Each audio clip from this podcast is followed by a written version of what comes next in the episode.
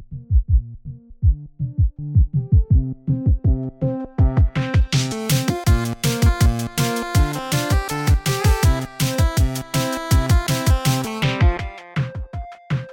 Hej och välkommen till Spelfokus. Jag heter Gabriella Kalteneckar. Och jag heter Björn Flintberg och vi jobbar på RISE. Ingen av oss är lösspringande människor som vi har hittat på gatan alltså. Så är det. eh, och nu har vi gjort några avsnitt så för den som har följt oss så, så, eh, så känner ni igen oss sedan tidigare. Och för ni som är nya, varmt välkomna. Och idag tänkte vi prata, vi, vi, rör oss söderöver i landet och vi ska prata med Game Habitats Erik Sundberg som är Communications Manager. Och Game Habitat har vi haft en hel del att göra med i arbetet för GameNode. Eh, Björn, vill du berätta lite grann om de satsningar som vi har haft på gång? Ja, nej men absolut. Alltså vi, det är ju så att, att Malmö, där, där Game Habitat så att säga, har sitt, sitt huvudcenter, kan man säga är ju en, en, en intressant del av Sverige. Det är en av de stora eh, orterna när det gäller de här samlingsytorna för spelbranschen. Och man har också en ganska aktiv roll. Inte minst så, så vet vi ju att eh, det pågår en satsning på spel som kultur där man har ställt sig bakom. Eh, Dataspelscentrum som vi hoppas kunna få möjlighet att kanske prata med lite längre fram i den här poddserien. Men man har också eh, varit väldigt aktiv i att, att både bidra i de projekten vi har haft och, och delta och tycka till och försöka utveckla hur branschen kan Eh, Eh, ges bättre förutsättningar hur de här olika främjande aktörerna, vare sig det är kluster eller inkubatorer eller någonting annat, eh, hur de kan liksom bidra till det på olika sätt. Ja, men vi kanske ska släppa in Erik direkt då. Det finns mycket intressant att prata om.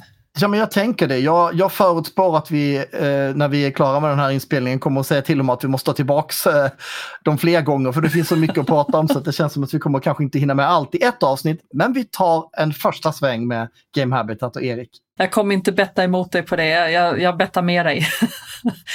men då säger vi välkommen in i studion till Erik. Välkommen in i studion säger vi då till dig, Erik Sundberg från Game Habitat. Tack så mycket, roligt att vara här. Du, eh, för de som inte känner till Game Habitat, vad, vad är det? Det är en bra fråga. Jag tänker att vi ibland har lite svårt med epitetet, men eh, det enkla svaret är att vi är en icke vinstdrivande communityorganisation. Jag skulle väl nästan säga att vi är närmast ett litet kluster. Men eh, vi är väldigt tydliga med att säga att vi är en medlemsorganisation, drivs av våra medlemmar, för numera också stöd av Region Skåne och Malmö stad. Och vi jobbar egentligen för att göra det bästa möjliga för spelutveckling i den här regionen som är Malmö, Skåne och Blekinge. Och hur länge har ni hållit på? Ni eh, har ju funnits ett tag. Ja, vi firar faktiskt tio år i höst. Så 2013 drog det igång här eh, ett antal bolag i stan som såg att man hade gemensamma utmaningar som man kanske inte riktigt kunde lösa en var för sig. Eh, och då sa man att behöver vi samarbeta och hitta något format för det, är en plattform helt enkelt. Och till slut så landade man i det som idag är Game Habitat. Det hette någonting annat i sin begynnelse. Men i tio år har vi funnits och det tog ett litet tag att komma igång. Så det är egentligen kanske först på de senaste halvan åtminstone som Game Habitat som det ser ut idag tog form på riktigt. Med att vi kör ett hus som heter DevHub och vi har den verksamheten, en ganska bred verksamhet med många olika delar i paletten. Så var det inte riktigt till en början av starten. Och ert DevHub, om jag inte minns rätt här, fyller också fem år i år. Ja, vi firar dubbelt jubileum. Ja, precis. Matematiken kan inte riktigt ihop, men fem och tio år är det sen, helt klart. Ja, men redan från början var det väldigt tydligt att ett, en av ambitionerna var att hitta en plats för de som håller på med spelutveckling i Skåne eller Malmö eh, att kunna träffas och mötas och ha en fysisk eh, plats för det. Så det var kul att vi har det. Det tog fem år och nu har vi ja, nu växer det liksom för varje år känns det som. Det, nu är det fullt eh, och hoppas vi att det kommer vara så för en lång tid framöver. Ni har ju ett stort fokus på mångfald och jämställdhet. Vill du berätta lite grann om några av de aktiviteter som ni har inom ramen för er verksamhet? Ja, det kan jag göra. Det är alltså både jämställdhet och inkludering är liksom en sån typ av fråga som har dykt upp tidigt i Game Habitat som att det här är någonting vi behöver jobba med. Eh, och allt eftersom eh, man har hållit på så har den lite växt och vi ser att den kommer få ännu större betydelse framåt. Dels är det såklart en fråga om att vi har drygt 20 procent kvinnor eller icke-män i spelindustrin. Det behöver vi öka. Men det handlar också om att öppna upp branschen för alla typer av bakgrunder, människor, även sådana som kanske inte såg sig som en spelutvecklare utan har en karriär i en annan bransch. Eh, så att då gör vi en himla massa saker. En del är knutet till just kön, att vi har ett, eh, en organisation, en suborganisation om man så vill, som heter Game Empowerment Movement, som är just för att stötta eh, kvinnor i branschen och hjälpa kvinnor som vill in i branschen. I det så finns det många komponenter. Man har olika typer av eh, sammankomster där man träffas, pratar med olika spörsmål som är viktiga. Men det finns nu också till exempel ett eh, mentorskapsprogram där man kan få väldigt konkret stöd i liksom sin karriär. Så det är ett sånt väldigt eh, tydligt initiativ tycker jag som känns bra att vi håller på med. Ni, ni hade ju nyligen ett sånt här event som var bara för några veckor sedan, eh, vill jag minnas, där ni, hade, när ni bjöd in just kvinnor till att sitta och programmera. Hur, eh, hur går ett sånt är det en game jam, eller vad, vad, kallar man det för? Ja, men vi gör också alltså väldigt konkreta, jag ska inte säga mindre insatser, men till exempel runt eh, internationella kvinnodag så hade vi ett ganska långt program, ett veckolångt program med väldigt olika typer av aktiviteter. Ett av dem, en av de aktiviteterna var just ett game jam för kvinnor och icke-binära. Och framförallt mot en yngre målgrupp eh, som får då testa och utveckla spel eh, tillsammans med en av mina kollegor, Bobby, och eh, ett gäng studenter från The Game Assembly som hjälps åt och sätta ihop ett eh, program för att just skapa entusiasm för den nya generationen som vi hoppas ska utvecklas till spelutvecklare. Det som också är spännande är att eh, Bobby vittnar väldigt tydligt om att nu har vi kört det här några gånger, ett antal game jams eh, till exempel. Och det är flera som återkommer och utvecklas i liksom de här olika sammankomsterna som hon håller i. Så man kan liksom följa ett par individers resa. Det känns ju superspännande och får också väldigt konkreta frågor. Vad gör jag nu då? Nu börjar jag närma mig kanske ett gymnasieval eller ett universitetsval. Vad ska jag ta vägen om jag vill fortsätta liksom på den här resan? Men vi har också liknande sammankomster för de som redan är i branschen eller folk som är utanför branschen men som är arbetsför ålder så att säga, som vill in. Så det ser väldigt olika ut, men just den veckan så har vi väldigt många olika sådana här typer av initiativ och sammankomster. Jag ska säga att väldigt många av dem kommer ju också från bolagen själva. Alltså, eh, Game Habitat, vi gör väldigt mycket, men det är också väldigt mycket som kommer direkt från bolagen. Att det är deras initiativ. De säger att Hej, vi har en stor lokal, vi vill uppmärksamma internationella kvinnodagen. Hur kan vi stötta varandra och göra någonting bra? Så det känns väldigt genuint och roligt att det kommer så tydligt från bolagen själva. Det är inte bara så att vi försöker pusha det här ut i branschen, utan det här finns från bolagen själva. Det är de som i hög grad också driver den här frågan. Och du var inne lite grann där på att det var människor som, eller yngre tjejer då och kvinnor plus, som närmar sig gymnasievalet. Eh, innebär det att ni liksom har en ganska låg genomsnittsålder på era besökare på de här offentliga tillställningarna? Oftast inte. Det jag skulle säga att det är, det är i undantagsfall vi gör någonting eh, för den yngre generationen, så att säga, den yngre målgruppen. Och då gör vi det oftast bara för dem. Eh, och sen kan det vara till exempel game jams, men det kan också vara att vi eh, åker ut till skolor och pratar eller att vi tar emot besök från skolor och sen kanske tar runt dem på ett besök på en annan studie någonstans till exempel. Men ofta är det separata eh, delar så att de som är under 18 och fortfarande är liksom i grundskoleålder så att säga och de som är på universitets, i universitetsålder eller i arbetslivet, det är ganska två separata grupper.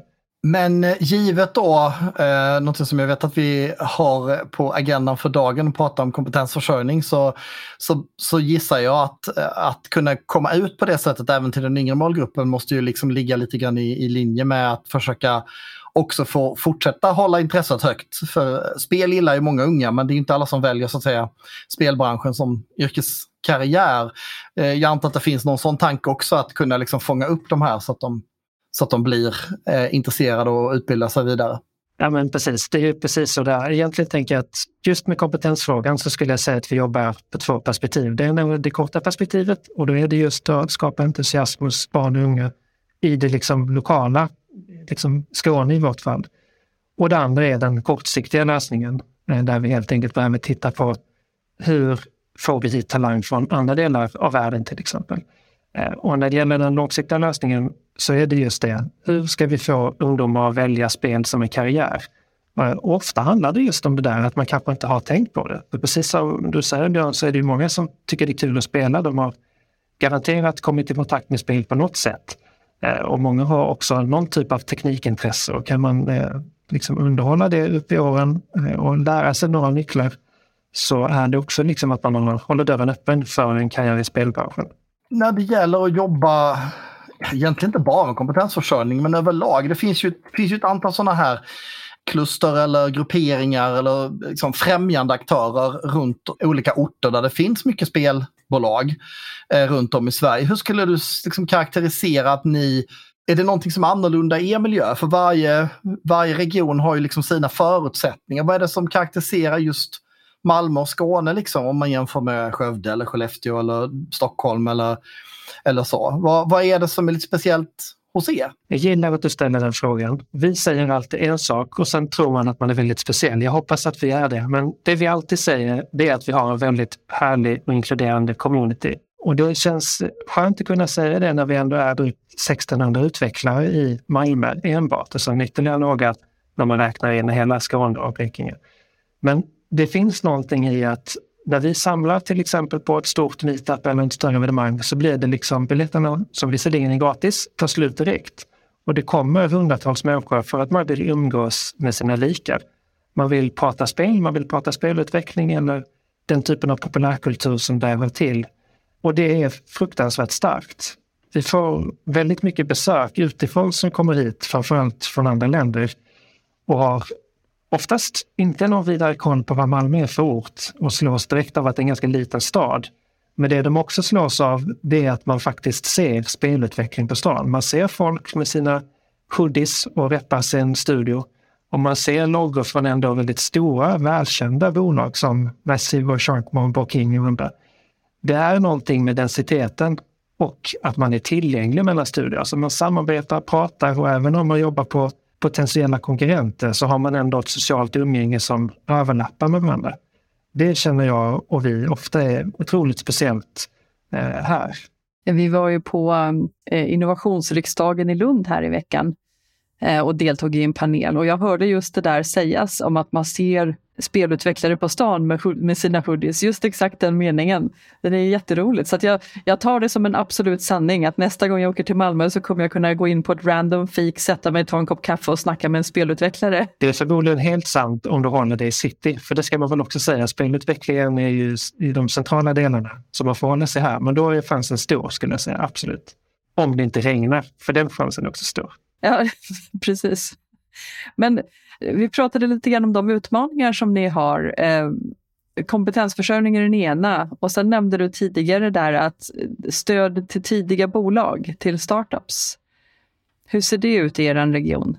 Ja, men det kan man väl, våra utmaningar är liksom branschens utmaningar i och med att vi tar verkligen på oss den, att vi representerar branschen i det här. Eh, och återväxten av tidiga bolag är verkligen någonting som vi behöver jobba med.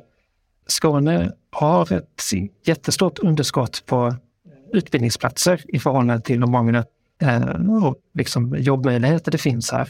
Men studenter till exempel kommer också med den där fördelen att de vill också prova sina vingar i egen regi, starta bolag, testa på nytt. Liksom. Men man behöver ofta stöd och vi har idag ingen inkubator till exempel som regelmässigt tar emot tidiga spelbolag för att jobba med dem. Vi har till exempel Mink i Malmö eller Ideon i Lund som ibland tar emot spelbolag men det är just inte regelmässigt. Och det är ett problem. Det finns ganska många små bolag som kämpar lite, lite för ensamt eh, och behöver någon att hålla handen. Eh, dels både hur det funkar att bygga bolag, men också väldigt praktiskt hur man gör för att bygga ett spel, ett bra spel. Som kanske dessutom inte bara är bra, utan också når till sin publik och faktiskt kan också bli en kommersiell framgång så att man kan fortsätta bygga sitt bolag och bygga ett andra, tredje och fjärde spel. Så det saknar vi absolut. Eh, och där är vi nu i en resa där vi har jobbat bland annat med just Mink och Ideon under några år för att, så att säga, öka på deras kompetens och jobba med spelbolag. Och det arbetet kommer fortsätta på olika sätt. Nu har det skötts i ett eh, projekt under snart tre år. Jag ska också säga att det är tillsammans med Gameport i Blekinge, för det är ju i allra högsta grad relevant, för det är de som är projektledare för detta. Men de har ju en inkubator och en bra verksamhet i Blekinge så vi tittar väldigt mycket på Malmö-Lundområdet för det är just det här. Eh, men det vi också ser är att vi kommer förmodligen behöva göra någonting mer utöver det som min och Ideon till exempel kan erbjuda här. Så vi är i en process där vi rekryterar en person som bland annat kommer jobba med just business development, där det handlar till stor del om hur jobbar vi med tidiga bolag och hjälpa dem att faktiskt skapa spelstudior och släppa bra spel. Tror du att det finns något discord där mellan förståelsen för affärsmodellen i spelbranschen? Eh, varför är inte fler VC-bolag intresserade av att investera tid och erfarenhet i spelbolag? Jag tror att det finns väldigt många svar och jag kan egentligen bara killgissa utifrån vad jag hör andra berätta. Men det jag tycker att eh, jag hör flera gånger, det är två saker. Det ena är att man har en ovana. Man vet inte riktigt vad innebär det. Och det andra är att man inte känner att man kan verifiera produkten under resans gång. Spelutveckling är en produkt där man lägger väldigt mycket tid innan man egentligen testar mot marknaden och det funkar. Och det är såklart läskigt om man ska gå in med kapital.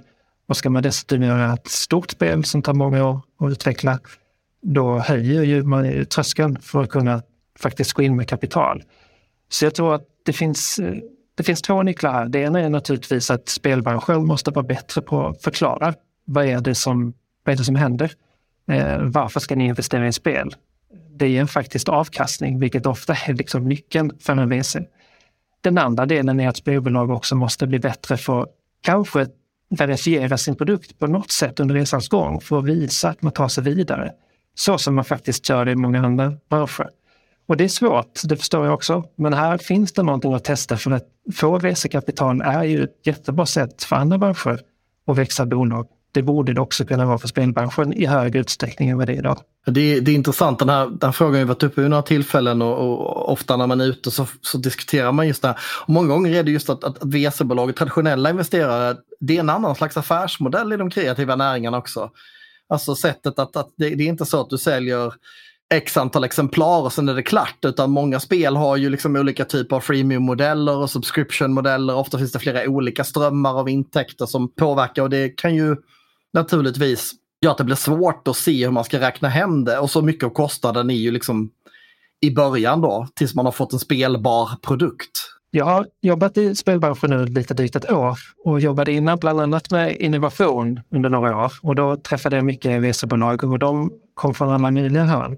Och där, finns det, där investerar man i healthtech ibland, i edtech och allt möjligt. Och det har man liksom lite, man testar sig fram. Eh, och så är man ibland inte supernöjd och så testar man något nytt område. Man är lite mer agnostisk, man investerar i tech generellt till exempel. I spelbranschen har jag hunnit så här långt träffa en handfull kanske. Och ingen har sagt att de var missnöjda med när de gjorde in i ett spelbolag. Alla har sagt att det här skulle jag jättegärna göra om. Och då har det verkligen inte varit så att det varje gång blivit en ekonomisk framgång. Men de kände ändå att det var värt det. Det fanns någonting vi investerade i det här teamet. Vi tror på det. Just den här gången flög det inte. Men vi skulle absolut göra om det. Så det finns ju någonting här som man inte riktigt, inte riktigt drar nytta av tror jag i spelbranschen. Kan det vara också så att spelbranschen är ovana att pitcha för VC-bolag? Man är mer van att pitcha mot en publisher eller en investerare som, har, som är från spelbranschen? Ja, så kan det nog vara. Och jag tror ibland att det kan vara att man är lite passionsdriven. Och man framförallt som nytt spelbolag, en indieutvecklare till exempel, som brinner för att göra sitt spel och vill allra mest bara att det ska komma ut på marknaden. Man är inte lika sugen på att bygga ett bolag till exempel och tänka mer långsiktigt på det sättet. Och då är ju en publisher mycket kortare väg till att få det att hända. Eh, en VC, du tar på dig en, en liten annan hatt och jag tvingas till en liten annan resa än om du jobbar med en publisher. Och sen tror jag också att tradition är starkt. Man har en lång historia av att jobba med publishers och det fungerar för de flesta alldeles utmärkt. Och då är det en bra väg också fortsättningsvis. Men det här med VC-bolag och investeringar från, eh, alltså, till bolaget då. Du nämnde Mink. Jag vet ju att de precis har gjort en av sina första investeringar i ett spelbolag som heter Stone Studios. Eh, och jag vet att eh, det pratades där om att de hade en liten annan vinkel när de gjorde sin pitch. Just att de presenterade inte bara det nuvarande spelet de håller på att utveckla, utan de hade gjort lite konceptbilder över framtida spelidéer. Eh, och det sa de var lite tongivande för att de faktiskt vågade göra investeringen. De förstod att det här är inte en fluga som bara... Det ska inte bara göras ett spel, utan det ska göras många spel förhoppningsvis. Och då vågade de ta steget. Så det kanske är ett tips till potentiella bolag som söker investerare. Ehm, att tänka lite grann på hur man pitchar till, till vem man pitchar. Det kan vara lite olika beroende på om det är en publisher eller ett VC-bolag. Ja, och det kan också vara det som mycket handlar om, tycker jag, eller det som vi ofta förespråkar, det är att om man går investerarspåret så får man också möjlighet att bygga sitt bolag. Man ökar egentligen möjligheten att behålla mycket av allt det där, den där framgången. Alltså behåller man sitt IP till större del, får man större del av kakan och måste inte det kopa till exempel, så kan det gå snabbare att putta in pengar i nästa spel. Det måste inte vara så. Men har man en, till exempel en plan för flera bolag, till exempel som det här caset som du precis berättade om, då kanske det är lättare, för då kan ett eller två spel floppa, men blir riktigt bra, då känner man ändå som investerare att det funkar. Och som spelutvecklare har du förmodligen ändå realiserat kanske tre spel då som du är nöjd med. Sen når inte alla en ekonomisk framgång, men det finns liksom andra värden i spelutveckling utöver bara det just ekonomiska. Särskilt om man brinner för passionen att utveckla spel. Jag tänker på traditionellt, och det är säkert så i Malmö också, ni har ju en del stora bolag. Vilket säkert är väldigt gynnsamt som du berättade om innan med kunskap och, och så. Men det finns också många mindre bolag och de flesta studier som, som finns är ju ganska små studios. Hur, hur mycket mm, det är egentligen två frågor. Den ena handlar egentligen om, om förfrågningar kring stöd. Alltså för det kan ju vara en stor grej om man är tre eller fyra pers i en liten studio. Att gå mot en WC till exempel eller bara kunna växla upp. Eller hur ska vi komma ut? Alltså, det här stödarbetet för att gå från att vara en en kreativ grupp till att bli ett bolag och att liksom börja tänka på de bitarna. Hur jobbar ni med de grejerna? Har ni mycket av den varan? Det var min första fråga. Sen har jag en, en annan, lite spinn på det också, men vi kan, kan låta dig svara först. Det finns, jag vet att jag i början sa att vi hade lite svårt med epitetet och vi är noga med att inte kalla oss för inkubator till exempel. Men faktum är ändå att väldigt mycket av det som Game Habitat gör, särskilt inom ramen för det, det huset som vi, vi kör, det är väldigt inkubatorliknande. Vi saknar eh, väsentliga delar, men bland annat just den här typen som du tar upp. Personer som kommer hit med frågor kan vi ofta ta om hand. Vi har inte alltid hela svaret, men vi kan peka någonstans. Och ett av skälen till det, eller rättare sagt ett av sätten vi har organiserat det nu de senaste tre åren, det är just det här EU-finansierade projektet som vi har kört med eh, Gameport och Ideon och Rink, eh, där vi också har haft olika typer av insatser för tidiga bolag där de har kunnat gå i olika typer av program. Och då har det både handlat om program där vi har tagit in experter, men också att vi har möjlighet att komma ut och testa och pitcha sina produkter på till exempel en mässa eller så. Här. Så väldigt klassiska inkubatordelar. Så att de senaste tre åren skulle jag säga att vi har haft ett sätt att egentligen hantera det ganska bra. Eh, och nu tar det här projektet slut och vi ser att Minko och Ideon i vår del av Sverige fyller liksom en viktig funktion, men vi kommer förmodligen att sakna någon del. Så vi måste bygga upp en kompetens för att komplettera åtminstone eh, det de erbjuder. Och då är det förmodligen att vi på något sätt måste hålla kvar eller hålla, hålla vid liv det som har byggt upp under det här, det här projektet där vi ska kunna fortsätta egentligen ge väldigt konkret stöd för bolag som sitter ensamma och ska bygga någonting. Min, min andra fråga handlade, handlade egentligen om dynamiken mellan de stora jättarna, för det finns ju verkligen en del riktigt stora jättar och, och de här småbolag. Du nämnde innan att det finns ett, ett skönt utbyte och hjälpsamhet eh, och det är ju en del av det. Men jag tänker, eh, finns det någon det kan ju finnas två sidor det myntet då. Några fördelar eller nackdelar när det gäller att, att det är väldigt lätt för stora bolaget. Nu har vi en stor produktion, nu behöver vi liksom 40 utvecklare till. Att man sväljer upp studios liksom som är i tidig fas eller är det snarare att det är till nytta att när studios har lite att göra kan de gå in och hjälpa till i produktion? Eller hur ser liksom den dynamiken ut mellan jättarna och, och de mindre på plats? Alltså vi ser ju i alla fall inte lokalt att en jätte sväljer ett mindre bolag. Det finns ju andra liksom uppköp som görs liksom mer på nationell basis eller internationellt, det ser vi. Men inte att eh, de stora jättarna i Malmö till exempel drar åt sig de mindre. Däremot finns det tveklöst exempel på eh, mindre bolag som går in och stöttar produktion vid, något, vid olika tillfällen. Men jag skulle säga så här, det finns, eh, det finns liksom många infallsvinklar på det där egentligen, relationen små stora bolag. Men det som känns väldigt tydligt att det finns en genuin ambition från de stora bolagen att hjälpa till och bygga ett ekosystem av eh, liksom spelbolag eller kringliggande leverantörer eller annat som behövs för att man ska ha ett, ett schysst ekosystem för just spelutveckling. Det är, för mig är det väldigt tydligt att man vill att det här ska funka och då måste man också ge någonting. Eh, och det gör de på många sätt, men de ger också av sina anställdas tid. Att det kommer personer som har bra och spännande jobb och har liksom god kunskap och delar med sig till exempel till mindre eller yngre bolag som behöver stöd. Men det är också att personer på de stora bolagen dyker upp nyfiket när vi anordnar till exempel, Eh, som häromdagen hade vi en eh, ja, Seriously Indic, kallar vi det, där indutvecklare får liksom komma och egentligen prata och liksom eh, drilla varandra i hur man ska tänka. Då kommer ju också personer från de stora jättarna så att säga, för att de individerna är nyfikna på hur, hur indieutvecklingen går till. Och en del av svaret på varför är ju naturligtvis att väldigt många sitter och drömmer om att starta sitt eget någon gång. Det gör ju liksom individer oavsett om man jobbar på ett litet eller stort bolag. Och det tycker ju vi är superspännande. Vi gjorde faktiskt en undersökning i höstas där vi frågade bland annat just detta. Hur stor, eller skulle du vilja starta ett eget spelbolag någon gång? Och då var det 25 procent som svarade absolut, det är liksom en dröm. Och det var en, ytterligare en stor andel som sa att ja, men rätt förutsättningar så skulle jag kunna tänka mig det. Så det är ju också någonting vi tittar på i den mån vi kan skapa möjligheter för fler att faktiskt starta sin egen resa. Så det är ju superbra. Och då är det bra till exempel med stora jättar som lockar hit sig talang från bokstavligt talat hela världen som kommer hit för att jobba. Och skulle de vilja göra någonting annat och starta något eget, då kanske de stannar kvar här om de har rätt förutsättningar att göra det. Det är ju samhällsekonomiskt jättevinst, både Sverige och Malmö och Skåne, om det skulle vara så. För att återvända lite grann till communityt i Malmö, skulle du säga, Game Habitat är lite sprunget ur den här starka känslan av community som finns i Malmö. Vad är era ambitioner för framtiden? Ja, men det, det finns, ambitionen är ju att vi ska kunna fortsätta växa. Det som egentligen, alltså, ska säga så här, vi behöver hjälpa bolagen att skapa förutsättningar att fortsätta växa. Det är liksom det viktiga. Men en nyckel för att de ska kunna göra det, det är just den här communityn.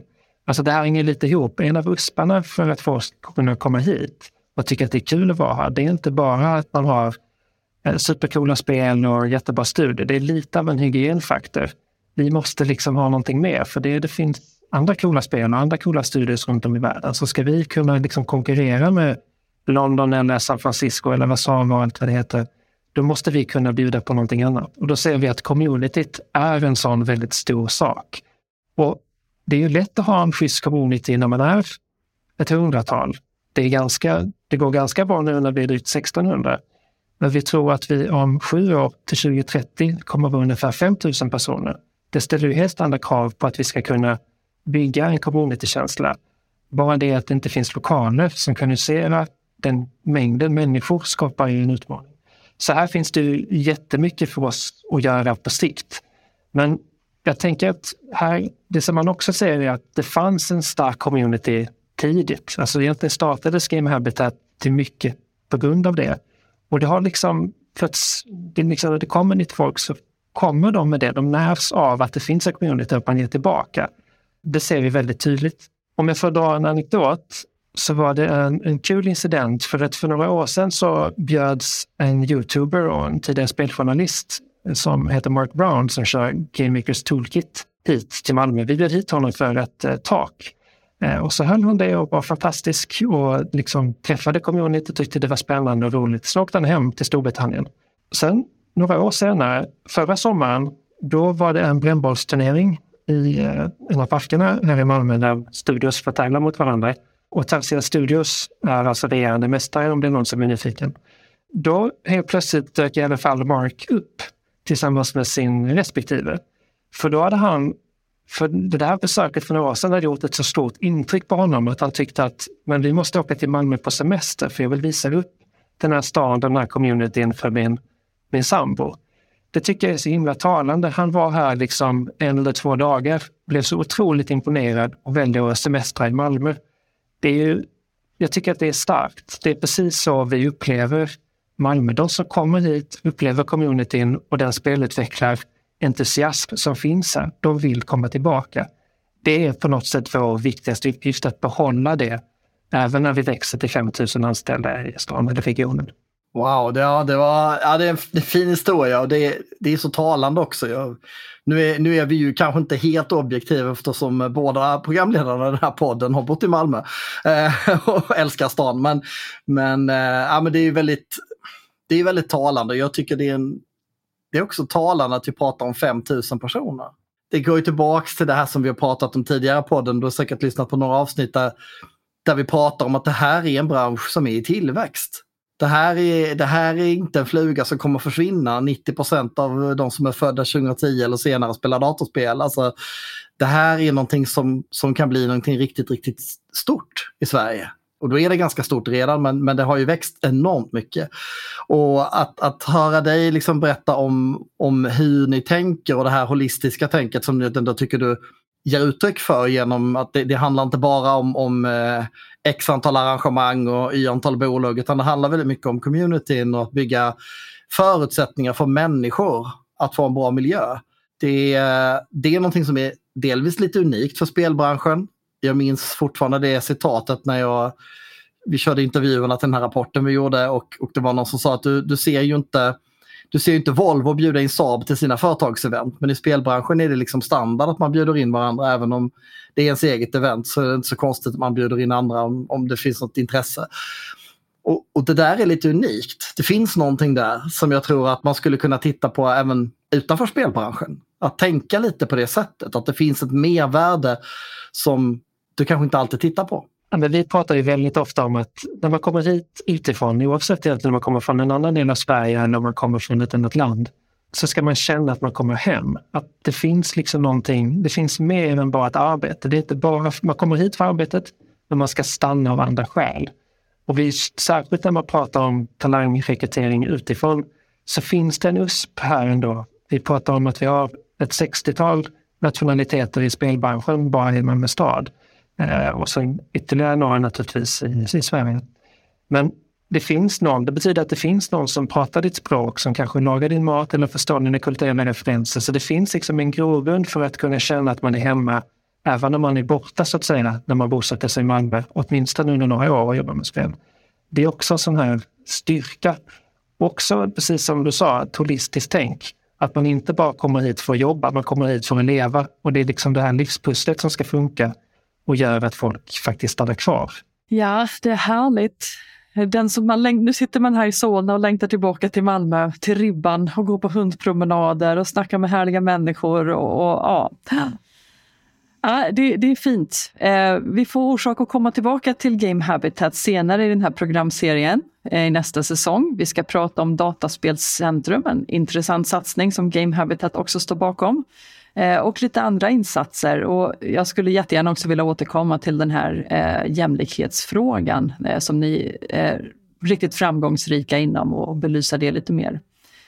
Eh, men jag tror vår tid för idag börjar rundas av så att jag skulle vilja tacka dig Erik för att du ställde upp och berättade lite grann om er här idag. Tack för att jag fick vara med. Tack så jättemycket. Vi får återkomma helt enkelt. Ja, alltså Björn, fantastiska Malmö. Ja, ja, det är samma. Jag bodde i Malmö i ganska många år. Många år av mitt vuxna liv så har jag bott i Malmö och i flera omgångar till och med. Så jag, har, jag har en väldigt varm eh, känsla i magen när det gäller Malmö. Och Eh, Eh, jag känner igen lite av det som Erik pratar om här när han pratar om stämningen och communityn som finns i spelbranschen. Då. Jag känner igen den som jag, som jag sa från, från startup-sidan och från många andra sammanhang. Även skulle jag vilja säga näringslivet, alltså att man är öppen för att samarbeta eller hjälpa till och dela med sig på ett annat sätt än vad man kanske ser i, i andra städer. Och definitivt kanske mer än jag ser i de, de två städerna som är större än Malmö, i Stockholm och Göteborg. Så jag tycker det är en spännande, lite kontinental, entreprenöriell miljö hela Malmö. Eh, och uppenbarligen är det ju så i spelbranschen också då, som, som Erik vittnar om. Och det är ju jättekul. Mm. Ja, hela Öresundsregionen är ju fantastisk. Det är ju så entreprenöriellt, det händer saker hela tiden, det liksom kokar och, och ja, jag, jag också älskar Skåne, Malmö i synnerhet. Då. Ehm, även om jag nu jobbade i Helsingborg. Det tyckte alla skåningar var jättemärkligt att jag pendlade mellan Malmö och Helsingborg. sa det är ju jättelångt. Tar du bilen? Och jag bara, fast det, det, är en, det är härligt för att i Stockholm då innan jag flyttade ner så satt jag två timmar i trafik för att komma till jobbet och två timmar hem. Eh, jag kom ju fyra gånger den sträckan eh, vart jag än skulle ta mig. Så att i, i Skåne kan man i princip ta sig var som helst på två timmar. Ja, så är det faktiskt. Och eh, längs västkusten nästan på en, nästan var som helst. Så att det, det, är en, det, är en, det är en spännande del av Sverige. Och som sagt, jag är subjektiv. Jag är född och uppvuxen i, i, i nordvästra Skåne utanför Helsingborg. Eh, så att eh, mitt hjärta klappar såklart lite extra. Men det är intressant även ur ett objektivt perspektiv, det man har byggt upp här då. Eh, man, man säger att man är inte en inkubator utan det finns Minko och Dion. Man är inte riktigt ett kluster även om man kanske mest är att likna vid ett kluster utan man, man lägger ganska mycket tonvikt på det här ordet med community och en, och en samarbetsorganisation. Uh, och då tycker jag det är extra kul att man har ett så pass starkt stöd som jag tycker ändå Erik liksom ger uttryck för med regionen står bakom och kommunen står bakom. Man har det här huset som man har möjlighet att, att använda som en resurs i det här. Så att det är ju väldigt tydligt att, att spelbranschen i Malmö är intressant även ur så ett renodlat näringslivsperspektiv. Och det, beviset för det är ju också att många av de ganska stora, eller väldigt stora bolagen har ju kontor i Malmö. Och det är det kanske som gör Malmö lite speciellt för att du har den, hela den här bredden. Det är väldigt entreprenöriellt, det är många startups, det är många som vill bygga bolag, det är många som vill göra spel, mycket kulturinriktningar, eh, ja mycket konstnärsinriktningar. Ja men det är det. Konstnärsyttringar ska man säga. Så att det här med dataspelscentrum blir ju också väldigt intressant att följa och se hur man lyckas eh, i det arbetet. Och det kommer vi återvända till i ett senare avsnitt av Spelfokus. Eh, och sen, eh, sen tycker jag det är intressant det här med att, att man att man kan blicka framåt och se att, att nu är vi 1600 men det kommer att vara 5000 till 2030. Det är ju jag, jag, tror att det är ett litet wake-up call kanske för de beslutsfattare som eventuellt lyssnar på den här podden. Att, att, vi tjatar ju om det ibland, men jag tycker det är bra att höra det från andra också. Att, vi pratar om en tillväxt på sex år på, vad blir det, 300 procent. Det är ingen liten ökning i näringssammanhang, utan eh, den här branschen har en betydande resa kvar att göra och kommer att kunna spela en väldigt stor roll tror jag. Och där blir det ju viktigt att man dels ger den de förutsättningar som den behöver, men också att man ser till utifrån ett liksom, samhällets sida att se till att det finns stödstrukturer som gör att det kan bli långsiktigt. Det är ju ofta det här, här är en projektpeng för att göra det här projektet i två år. Sen måste man hitta nya projektpengar. Utan försöka tänka lite långsiktigare för att få den här hållbarheten så att det blir ett självspelande piano så att ekosystemet är så pass robust att det, det håller över tid per automatik. Jag tycker de har gjort ett fantastiskt jobb so far och jag, jag hoppas eh, att det får fortsätta så att man kan, kan nå de målen som Erik pratar om. Ja, och också nämna tillbaka det här arbetet som man har gjort på eh, mångfald i, i spelbranschen och med otroligt lyckat resultat. Det är jätteintressant att man kan följa människor som liksom från yngre ålder till att man står inför sitt gymnasieval eh, som är tjejer eller icke-män då får vi säga, kvinnor plus-kategorin. Eh, där det är som vanligast att man lämnar techbransch eller spelbransch. Eh, och det är ju inte bara dataspelsbranschen som brottas med de här problemen utan det är ju faktiskt hela techindustrin, ingenjörs, alltså utbildningar där, där kvinnor lyser med sin frånvaro på något vis. Eh, så att det blir jättespännande att följa arbetet på jämställdhet, inkludering och community.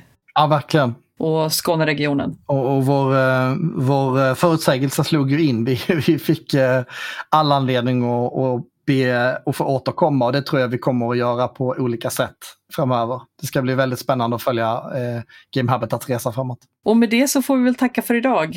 Tack till er som har lyssnat och eh, som alltid om ni har några önskemål, frågor eller funderingar så är det bara att höra av sig. Eh, våra kontaktuppgifter finns i länken till eh, den här podden. Och eh, ja, välkomna tillbaka nästa vecka då vi kör våran säsongsavslutning. Precis, då kommer du och jag att hålla låda och försöka summera allt det här vi har hunnit få ta del av i den här första säsongen. Eh, och eh, lite av det som har hänt under tiden mellan det att vi spelar in podd. Vi gör ju faktiskt annat på dagarna som har med spel att göra. Och prata lite om framtiden kanske och kanske släppa några guldkorn om vad som komma skall längre fram. För det blir ju en säsong två naturligtvis. Men en liten säsongsavslutning och ett litet påsklov. Det blir spännande, det vill man inte missa. Tack för idag Björn. Vi syns och hörs. Tack själv, Gabriella.